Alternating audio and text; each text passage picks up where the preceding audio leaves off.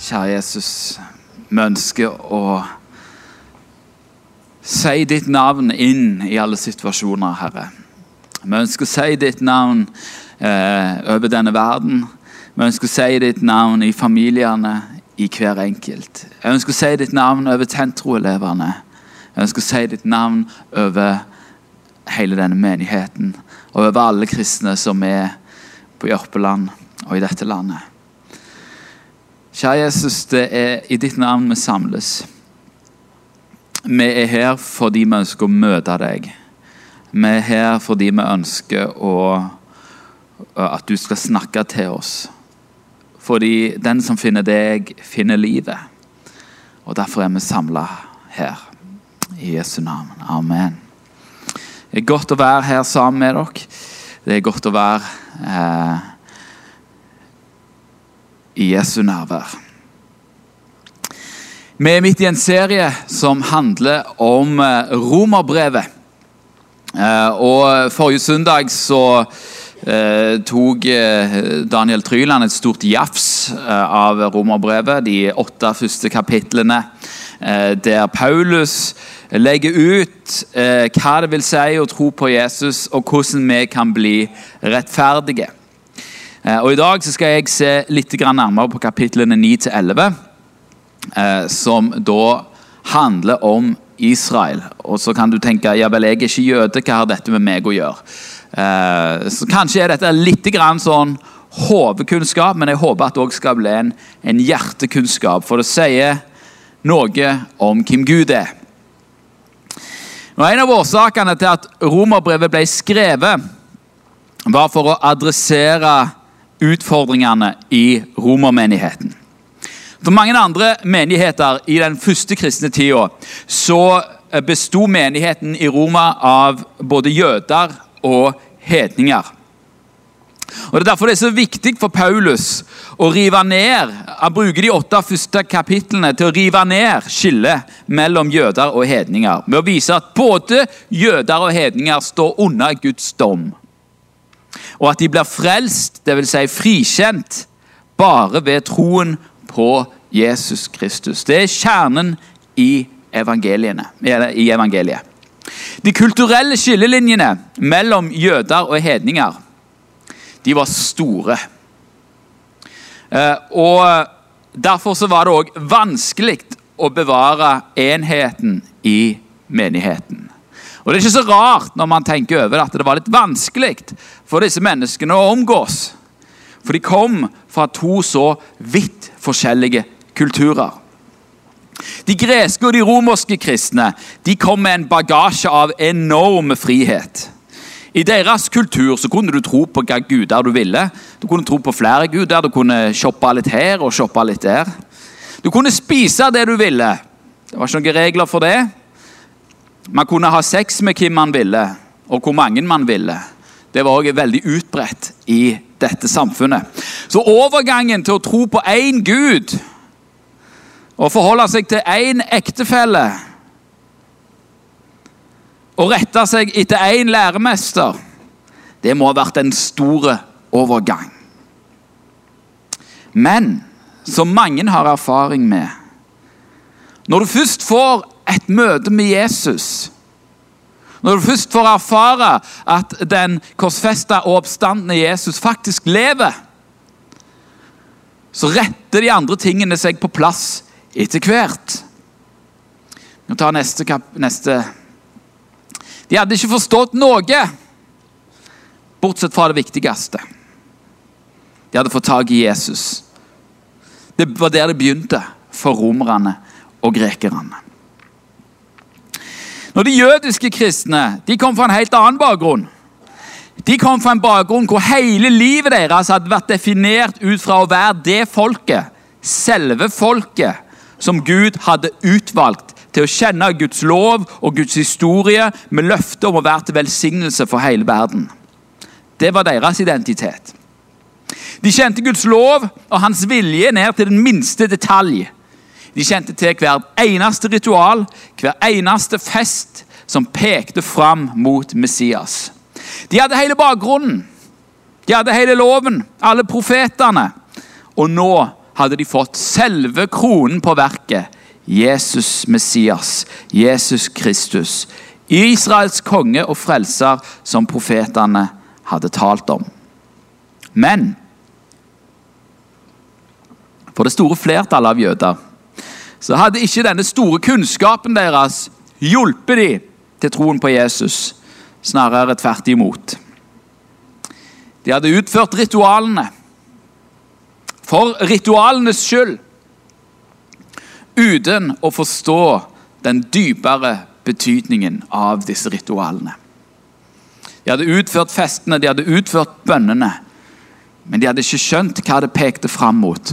Og når Messias kom, så var de ikke i stand til å ta imot ham. Vet dere at Jøder den dag i dag de feirer faktisk nattverd.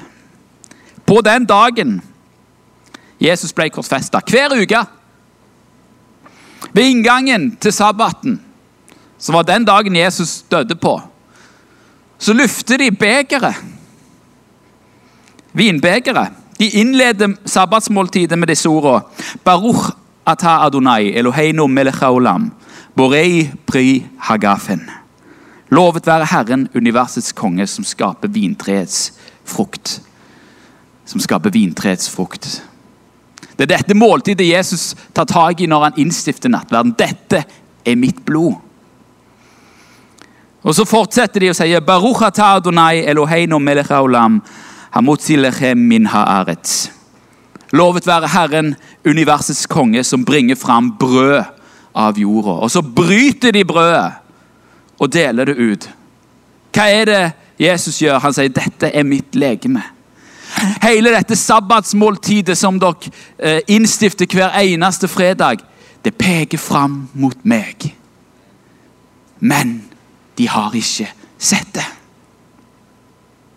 Jødene hadde forstått alt, bortsett fra det viktigste.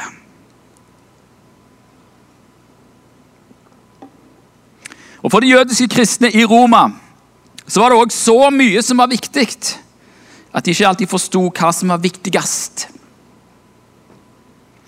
Bakgrunnen deres hadde gjort de stolte, ikke ydmyke. Det er derfor Paulus må inn og forklare hva ritualene deres peker fram mot. Vi tar neste. I Romerbrevet 2, 28-29 så står det at for ikke er den er jøde som er det i det ytre. Heller ikke er det omskjærelse det som gjøres i det åpenbare, på skjødet. Men den som er jøde i det skjulte, han er jøde. Og omskjærelsen er hjertets omskjærelse i ånden, ikke i bokstaven. En slik har sin ros ikke av mennesker, men av Gud. For jødene så var jo en av de viktigste identifiseringene av at du tilhørte Israel, og det er det den dag i dag, det er at guttebarn blir omskjært på kjønnsorganet. Uh, og det er det å være uomskåren i en jødisk sammenheng, det er å være urein. Men allerede i Det gamle testamentet så hadde Jesaja sagt at uh, omskjær hjertene deres. Fordi den, den eh, omskjærelsen, ritualet, som sørger for at dere er en del av Israel og en del av Guds folk, det er ikke til noen nytte hvis dere ikke handler i samsvar med det. Hva handler omskjærelsen om? Jo, det handler om at du skal være et, et annet Du skal ha et annet sinn. Du skal ha en annen tanke. Men for Israel så viste hele historien til Israel at de hadde akkurat de samme tankene akkurat det samme sinnet som alle andre mennesker. Omskjær hjertet deres.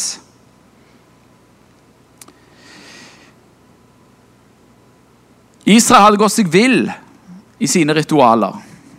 Loven, som skulle gjort de ydmyke fordi de ikke holdt den, den hadde gjort de stolte. Og Dette fører til sorg for Paulus. Så Han sier da i Romerbrevet 9, vers 1-5.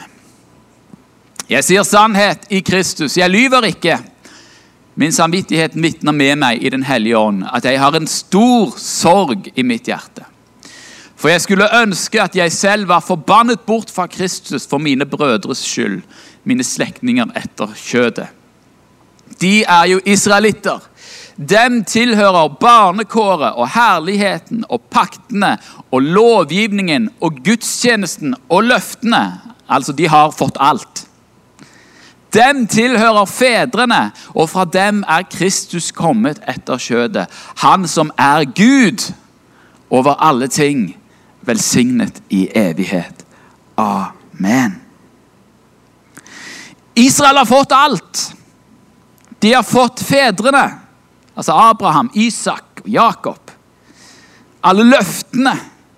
De hadde fått loven, så de visste Guds vilje. De hadde fått gudstjenesten, som alt pekte fram mot Jesus. De hadde fått paktene om at de skulle være Guds folk. Og fra han og fra deres folk så hadde Jesus kommet.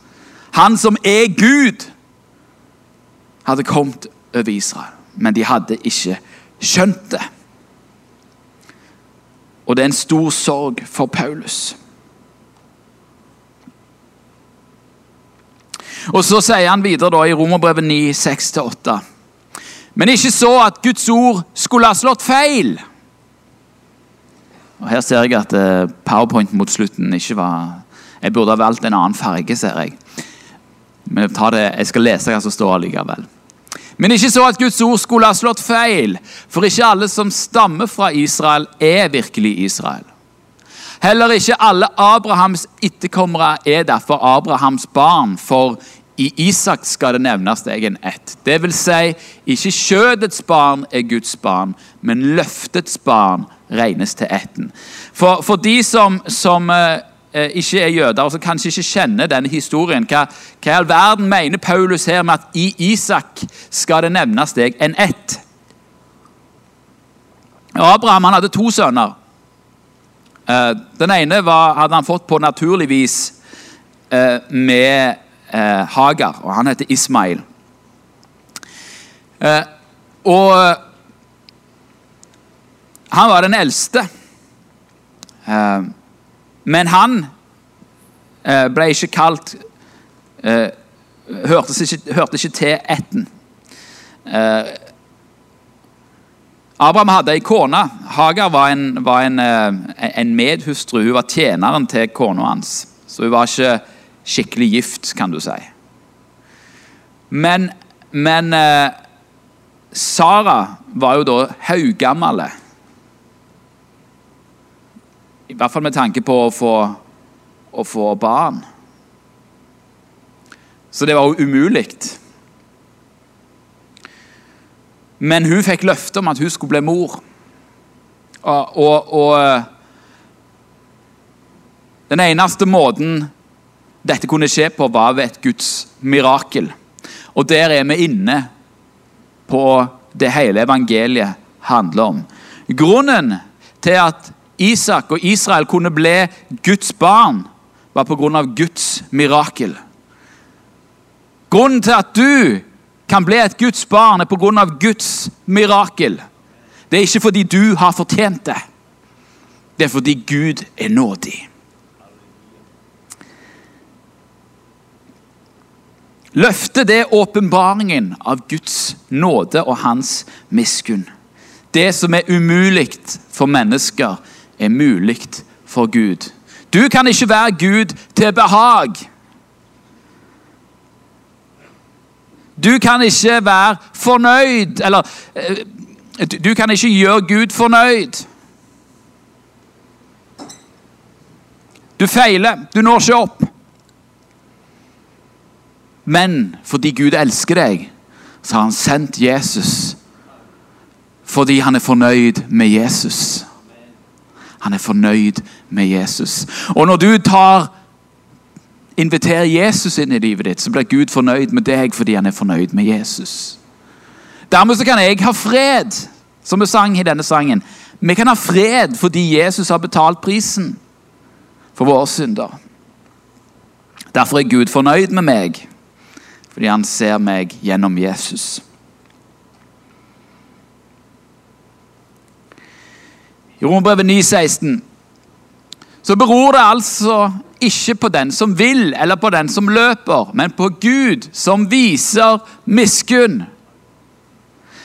Det handler ikke om deg og hva du får til, eller dine evner. Det handler om Gud som viser nåde mot deg.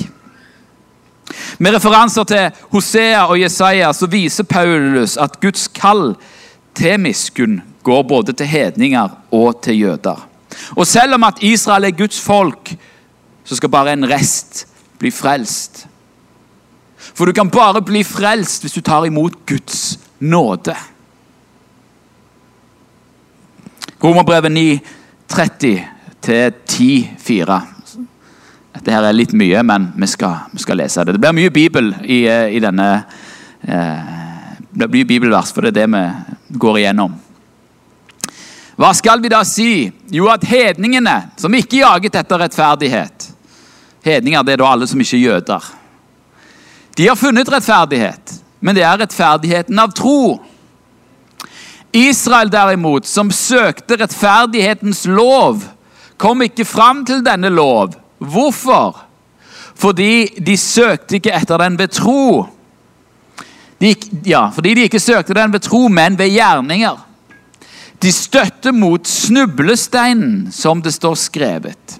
Se, jeg legger i Sion en snublestein og en anstøtsklippe. Den som tror på ham, skal ikke bli til skamme. Brødre, mitt hjertes ønske og min bønn til Gud for dem er at de må bli frelst. For det vitnesbyrdet gir jeg dem, at de har nidkjærhet for Gud, men uten den rette forstand da de ikke kjente Guds rettferdighet, men søkte å grunnlegge sin egen rettferdighet, ga de seg ikke inn under Guds rettferdighet. For Kristus er lovens endemål til rettferdighet for hver den som tror.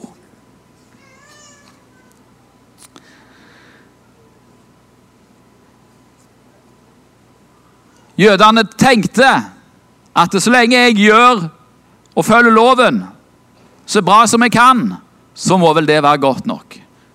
De søkte å grunnlegge sin egen rettferdighet. Men det er ikke godt nok. Det er ikke godt nok. Du trenger en annen rettferdighet. Og den rettferdigheten er rettferdigheten ved tro på Jesus Kristus. Det er Guds rettferdighet. Du kan få lov til å ta imot Guds rettferdighet. og Det er budskapet til deg her og i dag. Dine gjerninger kommer aldri til å få deg i kontakt med Gud bare troen på Han som har gjort det. Og det fører til takknemlighet i hjertet ditt. I Romerbrevet 10, 9-10 og 12-13. Der står disse ordene. For dersom du med din munn bekjenner at Jesus er Herre, og i ditt hjerte tror at Gud reiste ham opp fra de døde, da skal du bli frelst. Med hjertet tror en til rettferdighet, og med munnen bekjenner en til frelse. Her er ikke forskjell på jøde og greker. Alle har de samme Herre, som er rik nok for alle som påkaller ham. For hver den som påkaller Herrens navn, skal bli frelst. Din rettferdighet får du idet du erkjenner at 'jeg fikser ikke dette på egen hånd'. Men jeg tror på en som gjør det, og det er Jesus Kristus. Det å bekjenne at, eller det å tro at Gud reiste Jesus opp fra de døde. Og så er det å bekjenne at han skal være herre. For hvis jeg er herre i mitt eget liv, så går det dårlig med meg. Men hvis Jesus er herre, så får jeg alt. Alt.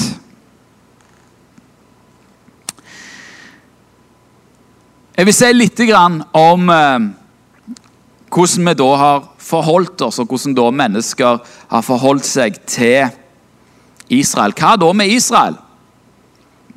Da kan vi ta neste. Det, er, eh, det finnes to, to grøfter å gå i i forhold til Israel.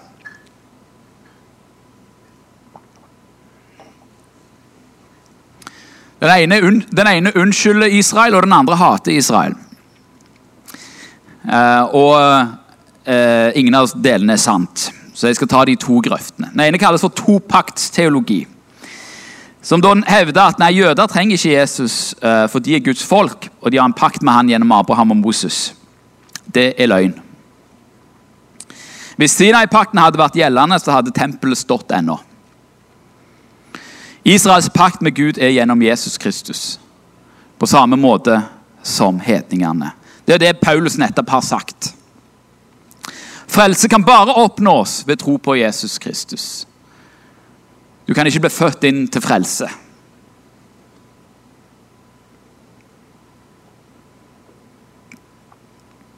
Det er sant for jøder og grekere. Israel har fått høre evangeliet, men mesteparten av Israel har ikke tatt imot. Og Det betyr at mesteparten av Israel går fortapt. I tråd med det som profetene har sagt. Bare en rest skal bli frelst. Men når vi leser om Kristus som lovens endemål, om å være jøde i det skjulte, om at ikke alle som er av Israel, er virkelig Israel, så faller vi fort i den andre grøfta, som da kalles erstatningsteologi. Den sier at Guds folk ikke lenger er Israel, men kirka. De som tror på Jesus. At kirka har erstatta Israel som Guds folk. Eh, problemet med denne teologien, og som har vært vanlig, og som eh, kan si det er på en måte opphavet til antisemittisme blant kristne Problemet med den teologien er ikke at vi hedninger blir regna for Guds folk. For det er vi. Det er vi med troen på Jesus Kristus. Problemet er at en fornekter at Israel fremdeles er Guds folk. Og det stemmer ikke. For det sier Paulus i Romerbrevet 11. Jeg sier altså, har da Gud forkastet sitt folk? Har Gud forkasta Israel? Langt derifra. Også jeg er jo en israelitt, av Abrahams ett, av Benjamins stamme. Gud har ikke forkastet sitt folk, som han forutkjente. Eller vet dere ikke hva Skriften sier i avsnittet om Elia? Hvordan han står fram og anklager Israel. Herre, dine profeter drepte de, og dine altere rev de ned. Jeg ble alene tilbake, og meg står de etter livet. Men hva er Guds svar til ham? Jeg har latt det bli tilbake en rest for meg. 7000 mann som ikke har bøyd kne for Baal. På samme vis er det også i den tiden som nå er blitt igjen, en rest i kraft av Guds nådes utvelgelse. Men er det av nåde, da er det ikke mer av gjerninger. Ellers blir nåden ikke lenger nåde. Gud har ikke forkasta sitt folk. Men folket har forkasta sin Gud. Og de som ikke forkaster Gud, de blir frelst. Men Guds trofasthet mot sitt folk er ennå. For Hadde ikke Gud vært trofast mot sitt folk, så hadde ikke Israel funnes. Hadde ikke Gud vært nådig mot sitt folk, så hadde det ikke vært noe Israel. Det hadde det ikke vært et jødisk folk. Men jeg skal, for, jeg skal lese resten av Romerbrevet 11 for dere. Fra 11, vers 11 til 36.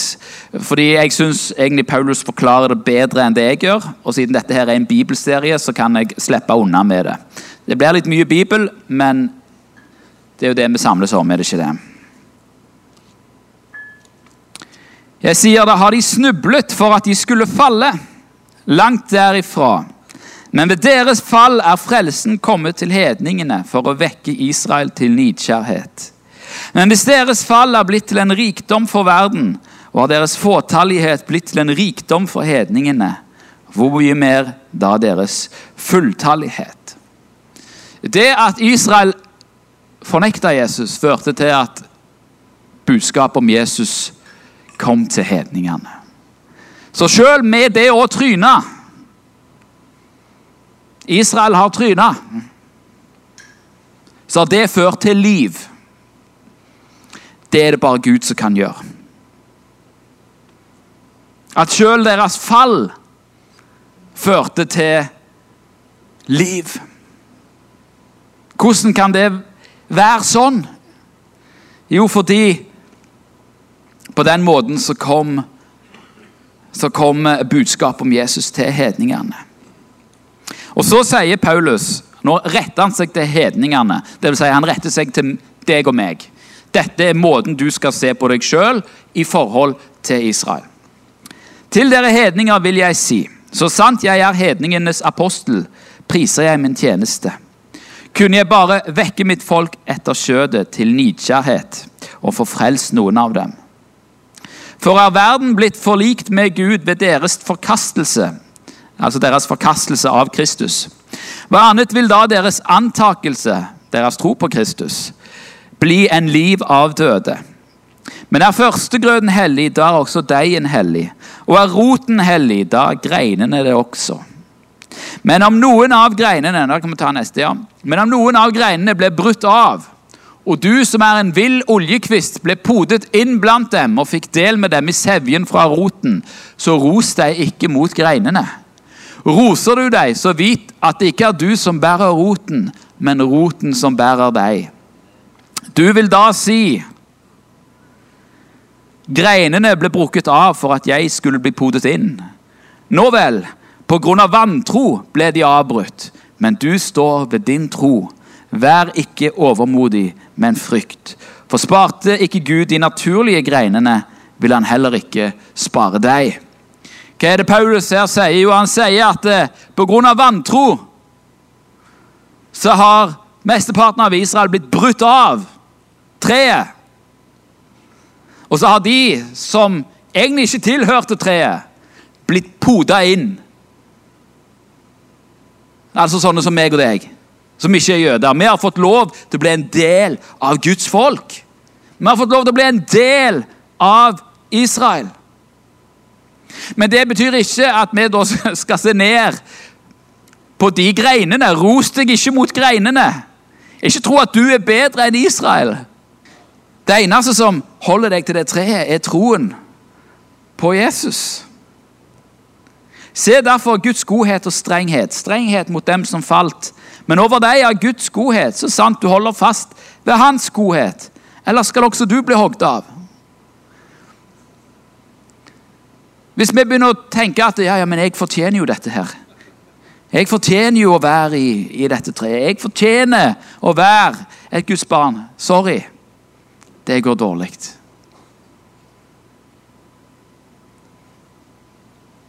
det er Guds godhet. Det er Guds godhet som vi må holde fast på. Det er det som gjør at vi er en del av Israel. Men også de andre skal bli innpodet hvis de ikke holder fast ved sin vantro, for Gud er mektig til å pode dem inn igjen. Gud er mektig til å pode inn Israel igjen. Jødene igjen inn i treet. Du ble avhogd av det oljetreet som av naturen er vilt, og mot naturen innpodet i et edelt oljetre. Hvor mye mer skal da de naturlige greinene bli innpodet i sitt eget oljetre, som de etter naturen tilhører?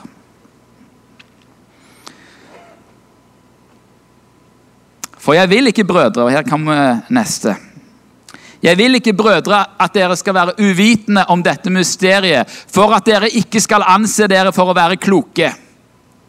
Forherdelse, dvs. Si å gjøre sitt hjerte hardt, er for en tid kommet over Israel, inntil hedningenes fylde er kommet inn. Og slik skal hele Israel bli frelst, som det står skrevet. Fra Sion skal befrieren komme, han skal rydde bort ugudelighet fra Jakob. Og dette skal være min pakt med dem når jeg tar bort deres synder. Når det gjelder evangeliet, er de blitt fiender for deres skyld. Men når det gjelder utvelgelsen, er de elsket for fedrenes skyld. For Gud angrer ikke sine nådegaver og sitt kall. Israel er fremdeles Guds folk. Gud har ikke forkasta sitt folk. Men han er trofast mot pakten. Han er trofast mot pakten. Han står med åpne armer og venter og lengter etter å pode sitt folk inn til seg. Og så har deres ulydighet blitt til frelse for deg og meg. Og så lengter vi etter den dagen der Israel òg skal ta imot Jesus og si at han er frelseren. Dere var jo en gang ulydige mot Gud, men nå har dere fått miskunn fordi de andre var ulydige. På samme måte har nå de vært ulydige, men ved den miskunn dere har fått, skal også de få miskunn. For Gud har innesluttet dem alle under ulydigheten, for at han kunne vise miskunn mot dem alle. Alle har gått feil. Hedninger har gått feil, og Israel har gått feil. Alle har gått feil. Men Guds miskunn, Guds nåde, den er over alle mennesker. Fordi han elsker alle mennesker. Fordi at alle mennesker ikke skal være sjølrettferdige og si at 'jeg har fått det til fordi jeg hører til det folket', og 'jeg er best fordi jeg har kommet fra den familien', og 'jeg er best fordi jeg har gjort så mye bra'. Det fins bare én som skal ha æren, og det er Jesus Kristus. Det er derfor vi er samla i Jesu navn. Og så avslutter Paulus. Jeg syns jeg ser han for meg, for han sier og dyp av rikdom og visdom og kunnskap hos Gud. Hvor uransakelige hans dommer er, og hvor usporlige hans veier.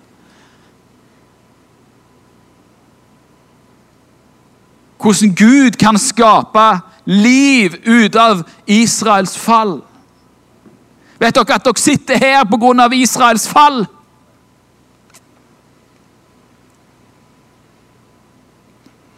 Ikke for at de skulle falle. Og så lengter han etter sitt folk igjen og kaller på de. For hvem kjente vel Herrens sinn, eller hvem var hans rådgiver? Hvem ga ham noe først, så han skulle få vederlag? Alt handler om Gud. For av ham og ved ham og til ham er alle ting. Ham tilhører æren i all evighet. Amen. Vi som er hedninger, har blitt en del av Israel. Israel er ikke forkasta, men Israel har forkasta Jesus.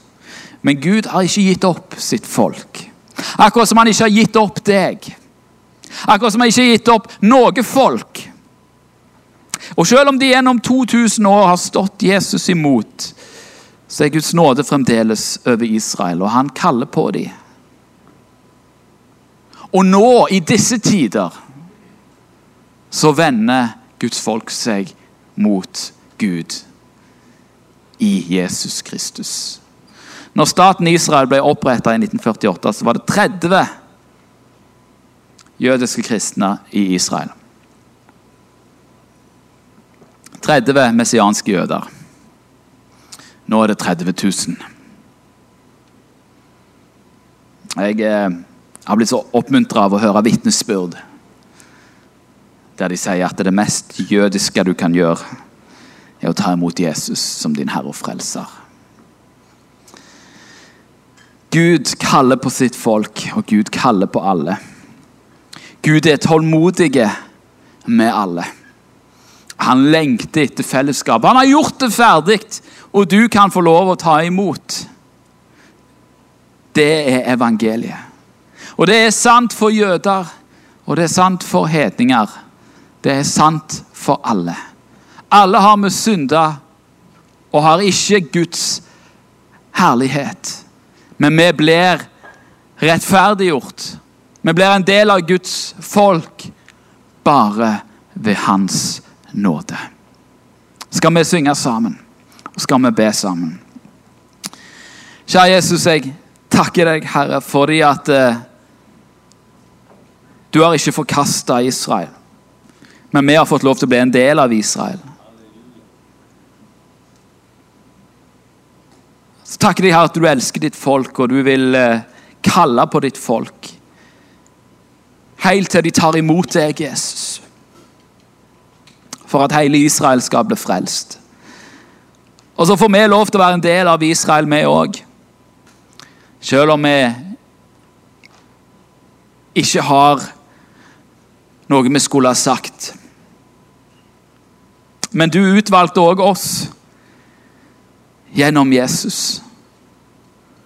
Du har gjort Du har gjort alt klart, du har gjort alt ferdig. Vi kan bare få lov til å ta imot det. Få lov til å ta imot deg og få lov til å komme i kontakt med vår skaper. Jeg ber, Herre, for Israel. At du skal kalle ditt folk tilbake til deg. Som du har gjort så utallig mange ganger før. Jeg takker deg, Herre, for at du elsker ditt folk. Og jeg ber, Herre, om at de skal komme til troen på deg. Du som er Israels konge og hersker. Og Så ber jeg Herre for oss òg, med dyp takknemlighet, at vi som er hedninger, òg får lov å være en del av Israel. Ikke fordi vi har fortjent det, ikke fordi vi er så gode, men fordi du er så nådige, og fordi du elsker så mye. Amen.